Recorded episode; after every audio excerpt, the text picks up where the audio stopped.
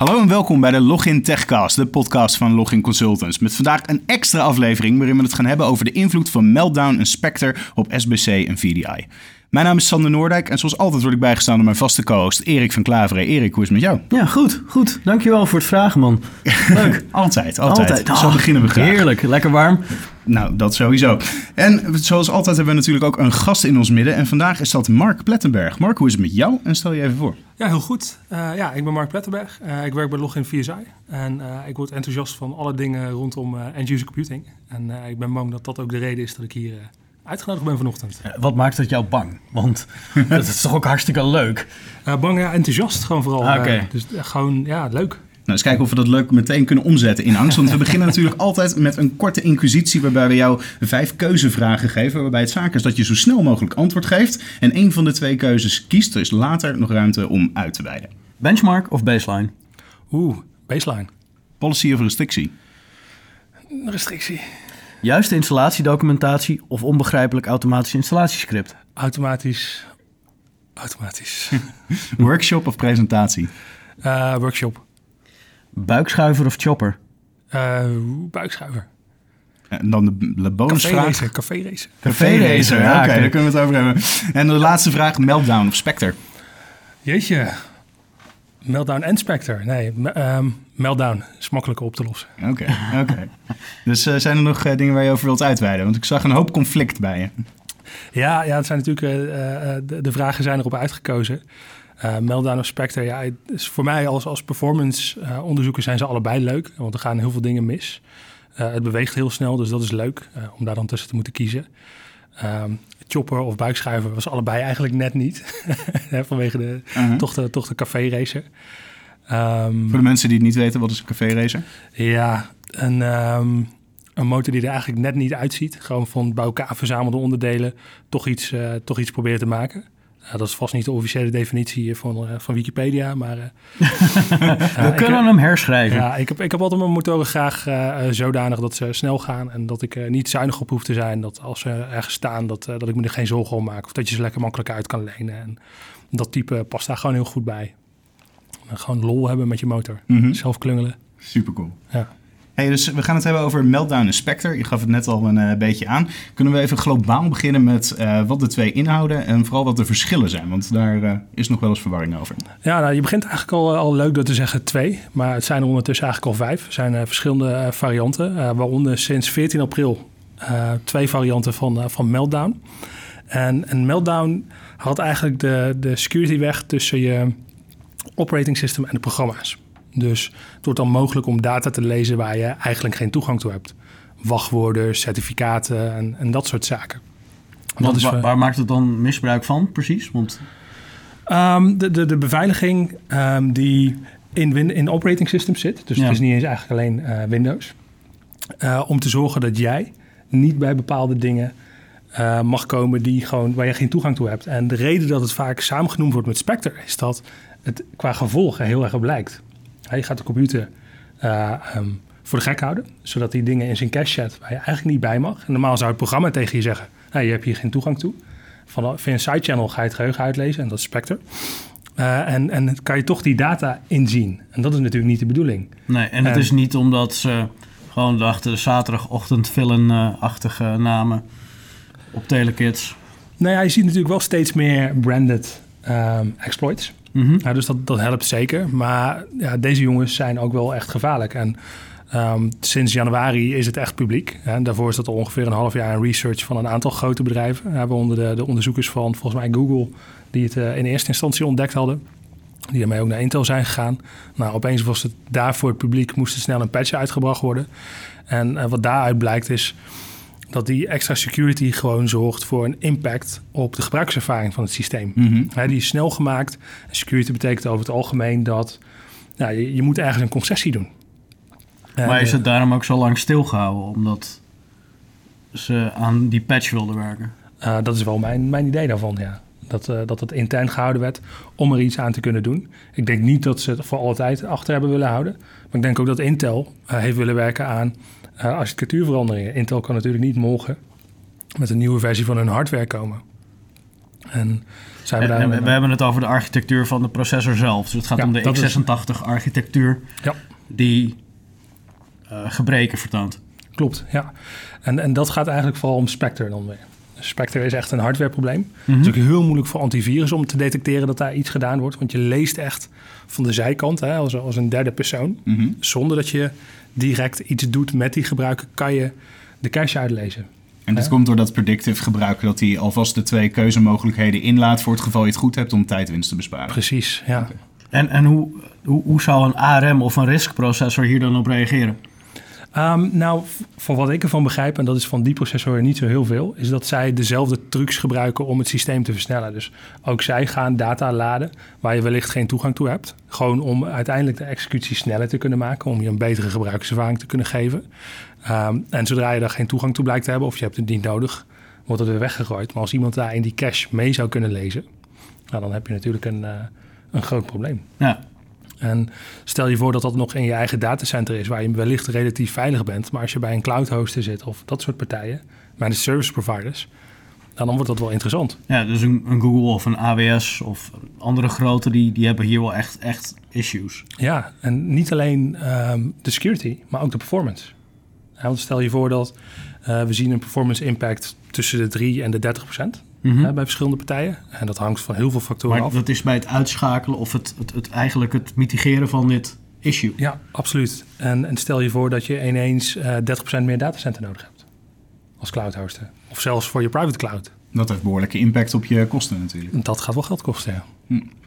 En ehm, als ik in mijn eigen omgeving kijk bij klanten waar ik kom, daar eh, was ik er een beetje verbaasd van dat niet iedereen er vol bovenop dook om dat soort patches te installeren. Juist om de eh, performance issues die het oplevert. En daarbij dat Intel ook eh, daartegen geadviseerd zou hebben, omdat het ook nog eens een keer onverwachte herstarts kon, veroorzaken. De patches? Ja, Ja. Wauw. de, de, de Meltdown of the Spectre patch zou dat soort issues veroorzaken.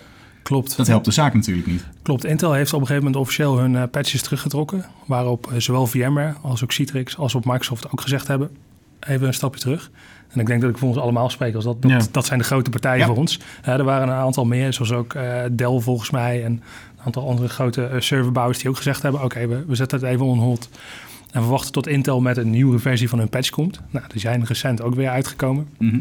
En ehm, ik verwacht dat er ook nog steeds nieuwe versies zullen komen die steeds beter zullen zijn in het stukje security, maar ook het stukje performance. Hè? Dus wellicht tot eind van dit jaar zullen we steeds verbeterde versies daar nog in zien. Ook omdat eh, nieuwe versies uitkomen van eh, zowel Meltdown en Spectre. En vergeet niet, Meltdown en Spectre zijn nu een, een, een hype, een verzamelnaam. Ehm, maar het is niet de, de naam van het type aanval. Mhm. Dus dit, de- er is een heel nieuw type aanvallen mogelijk. Is Dus het we een hier- aanval of is het gewoon een lek? Of een Ja, lek waar aanvallen lek- mogelijk via zijn. Ja, een lek dat misbruikt kan worden in een, in Ja, een precies. aanval. maar ja. we weten ook nog niet echt of er aanvallen mee zijn. Nee, het is, voor, gepleegd. het is vra- voornamelijk theoretisch mogelijk eh, Ja, op, eh, op dit moment. Maar ja, dat is voor, voor grote bedrijven natuurlijk al een, een, een zorg genoeg. En eh, wat ik verwacht is dat deze exploits, zoals ze bekend zijn nu, op verschillende manieren ingezet zullen gaan worden. En in de toekomst we daar dus meer varianten van gaan zien nog. En of die onder dezelfde noemer blijven of niet, dat, dat weet ik niet. Dat maakt ook niet zo heel veel uit. Maar het is wel zaak om te zorgen dat A, je patcht. Hè, ook Mhm. oudere systemen, ook al is de impact daarop Ja, groter. want hoe, hoe ver gaat dit terug? Want zover ik het begrepen, is dit al best, best een dingetje wat lang speelt bij, bij een Intel. Ja, nou, ik, eh, ik, mijn eerste onderzoek dat ik kan doen was in januari toen ik hiervan hoorde. Toen las ik over een beveiligingsonderzoeker. Die is geboren in eh, 1995 en eh, het blijkt dat die, het lekker er eigenlijk net zo lang in zit als dat hij oud is. Dat staat in zijn eh, verhaal. Dat Ja. is... eh, En het raakt ook gewoon alles. Want wat voor eh, apparaten kun je nog voorstellen waar niet die chips in gebruikt worden? nou, eh, Itaniums bijvoorbeeld. En dat, dat zijn een van de weinigen die, eh, die niet geraakt worden. En dat zijn de, echt de, de, de hardcore serverprocessors van Intel. Ja. En ook dat is alweer misschien verouderde informatie. Wellicht is ook daar nu eh, een lek op ontdekt. En we zien wel, gelukkig, dat op nieuwere generatie CPU's eh, het probleem of de impact van het patchen in ieder geval kleiner is. Omdat daar technieken op beschikbaar zijn die ervoor zorgen dat de CPU niet elke keer zijn cache leeg hoeft te gooien. Nee. Dat is nu een van de oplossingen die ze toepassen. Mhm. Eh, je hebt eh, user mode en kernel mode gebruik van het systeem. Elke keer als het kernel mode... Nee, sorry. Elke keer als de user mode gebruikt wordt, wordt de kernel mode geflushed. Zodat de gebruiker daar niet nog per ongeluk wat uit kan halen. Mhm. Nieuwe processors die hebben eh, commando's, instructies... om te voorkomen dat elke keer die cache geleegd moet worden. Dat kan beter, eh, beter afgezet eh, worden. Oké, en hoe, hoe zijn jullie hier met de, met leveranciers van, mee omgegaan? Om hier dit lek te stoppen of om hier advies over te kunnen geven? Nou, we hebben absoluut niks gedaan om het lek te stoppen. Laat dat heel duidelijk zijn. Ehm, dat, eh, Nou, dat- wacht even. Want ik, ik zag recentelijk ook, eh, nog even terug naar de processor. Want ik zag dat Intel ook een nieuwe i9 heeft uitgebracht. Eh, is er iets van bekend of ze daar dan dit issue eigenlijk ook gewoon nog steeds in hebben zitten? Ik vermoed, maar dit, dit Ja. is niet op enig onderzoek gebaseerd, omdat het zo kort erop is dat het er nog wel in zit. Uh, maar dat door, bij, door die Process Context Identifier en die Translation Look-aside buffer, dat er een probleem dat je er veel minder van Ja, merkt. En dat zien we sowieso. Hoe nieuwere generatie processor, hoe minder last je ervan hebt. Hoe nieuwer het operating system, hoe minder je er last van hebt. En uh, bijvoorbeeld VDI heeft er ook minder last van als server-based computing, omdat er minder context switching is uh, tussen user en kernel mode. Ja.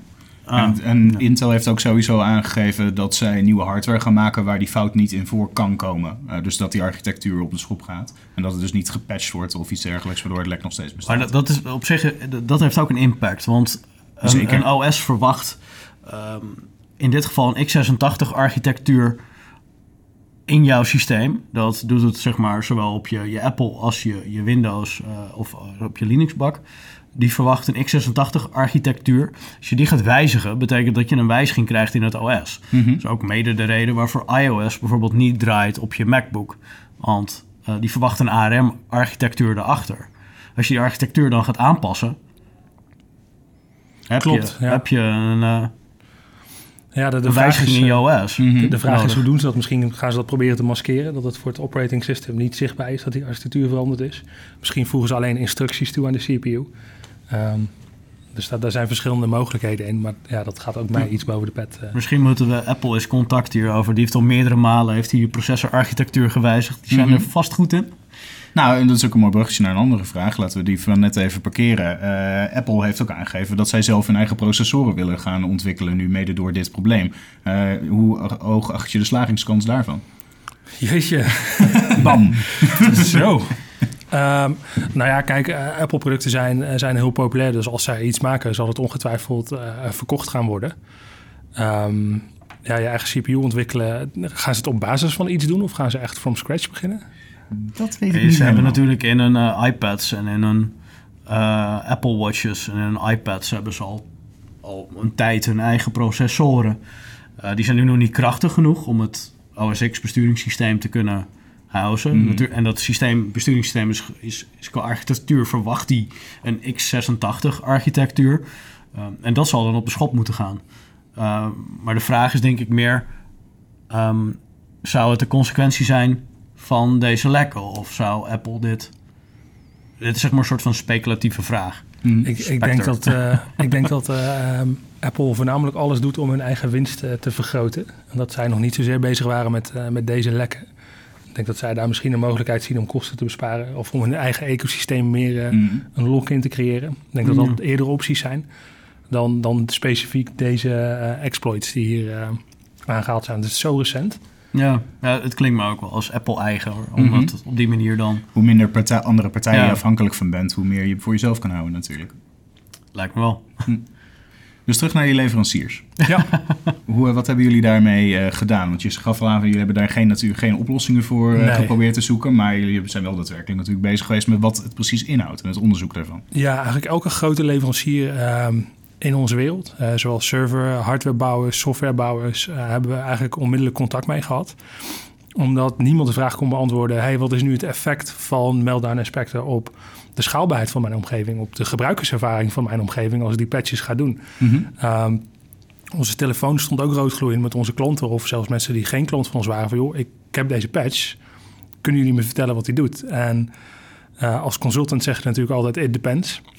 Uh, ja, ja, ja. Hoe vaak hebben we dat antwoord al niet gehad in onze show? Hier, uh, jullie hebben ook een tijdje um, het, het, pakket dat, dat, dat jullie uh, sessies indexeert, ja. of de hoeveelheid, uh, aangeboden voor, voor deze patch. Klopt. We hebben login via het hele eerste kwartaal gratis weggegeven.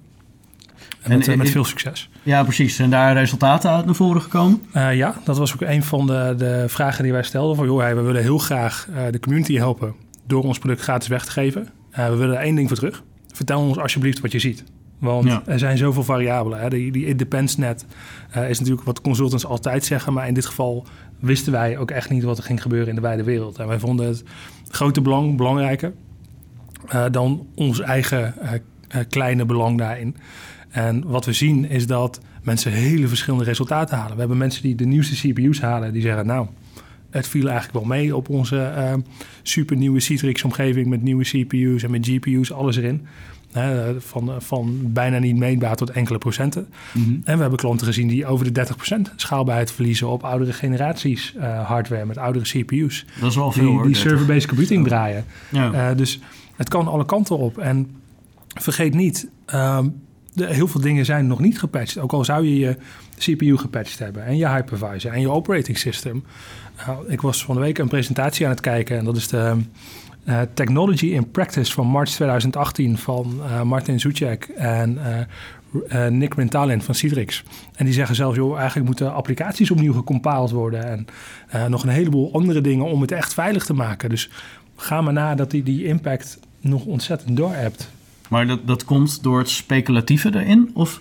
Ja, nou, dat, ja, dat, het compilen van applicaties weet ik zelf niet zo heel veel van. Maar ik kan me voorstellen dat nieuwe instructies in de CPU en dergelijke daar ook weer in, in toegevoegd Ja, moeten ja. worden. Als je mogelijkheden dicht gaat zetten, dan zal je op een andere manier Ja. daarmee om moeten gaan. Ja. Dus dat vereist aanpassing. Precies. En ehm, die aanpassing vaak hebben bedrijven niet eens de broncode van hun applicaties. Eh, als die er wel is, hè, of je werkt met grote partijen, denk aan een ziekenhuis met een elektronisch patiëntendossier.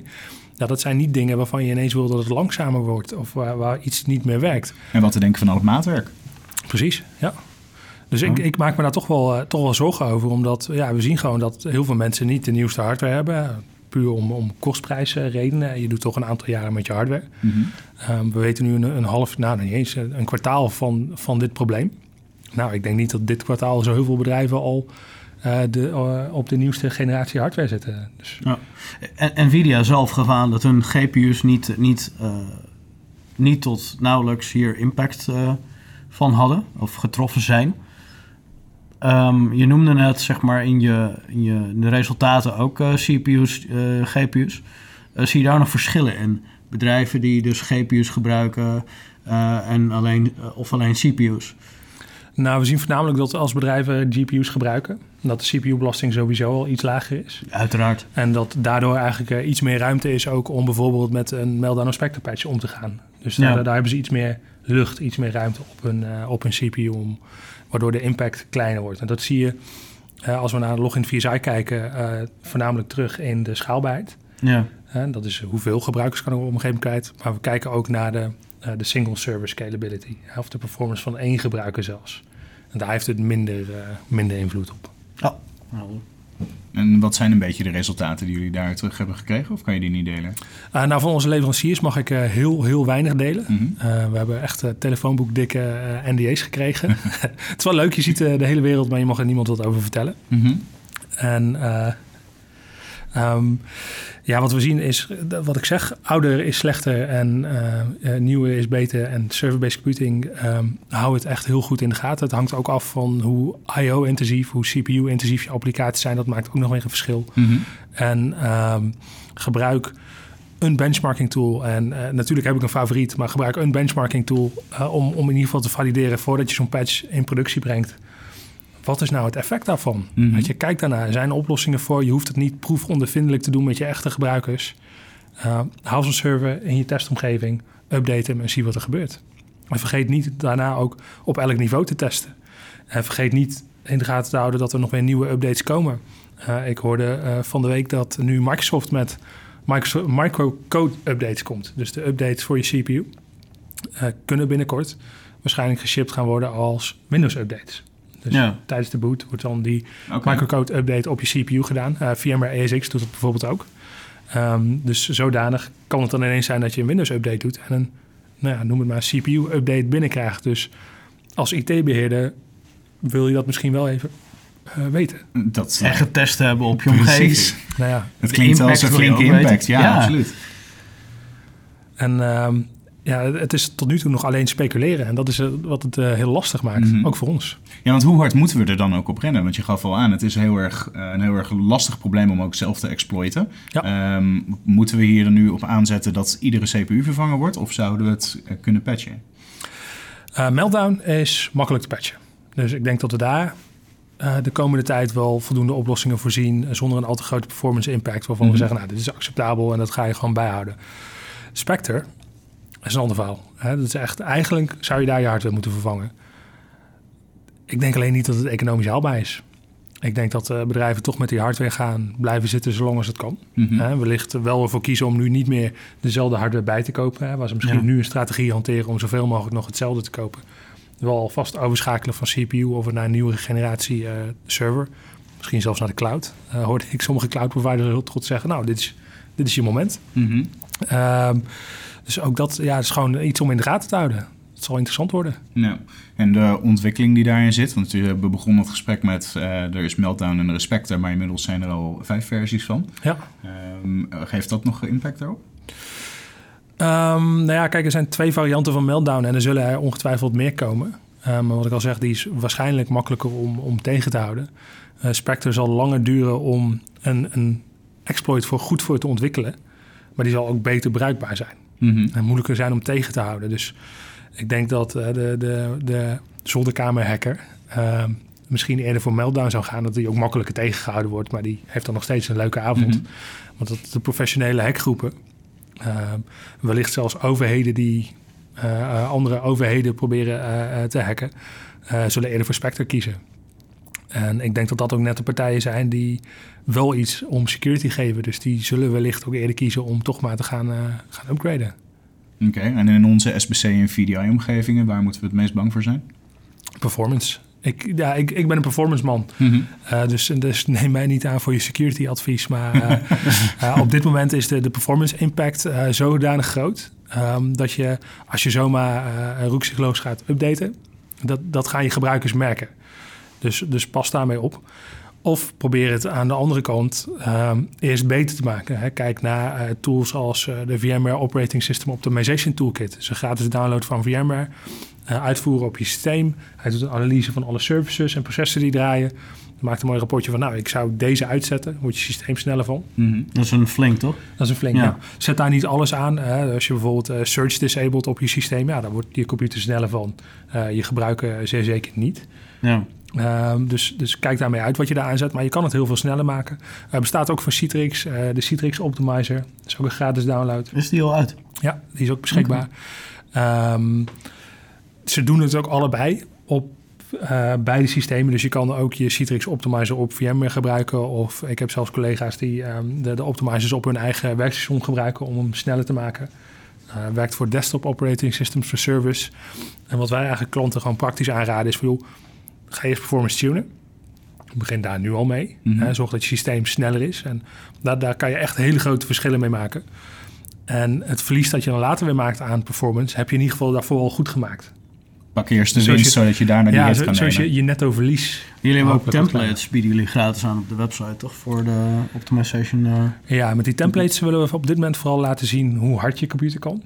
Um, het is een beetje alsof je uh, boodschappen gaat doen met je Ferrari.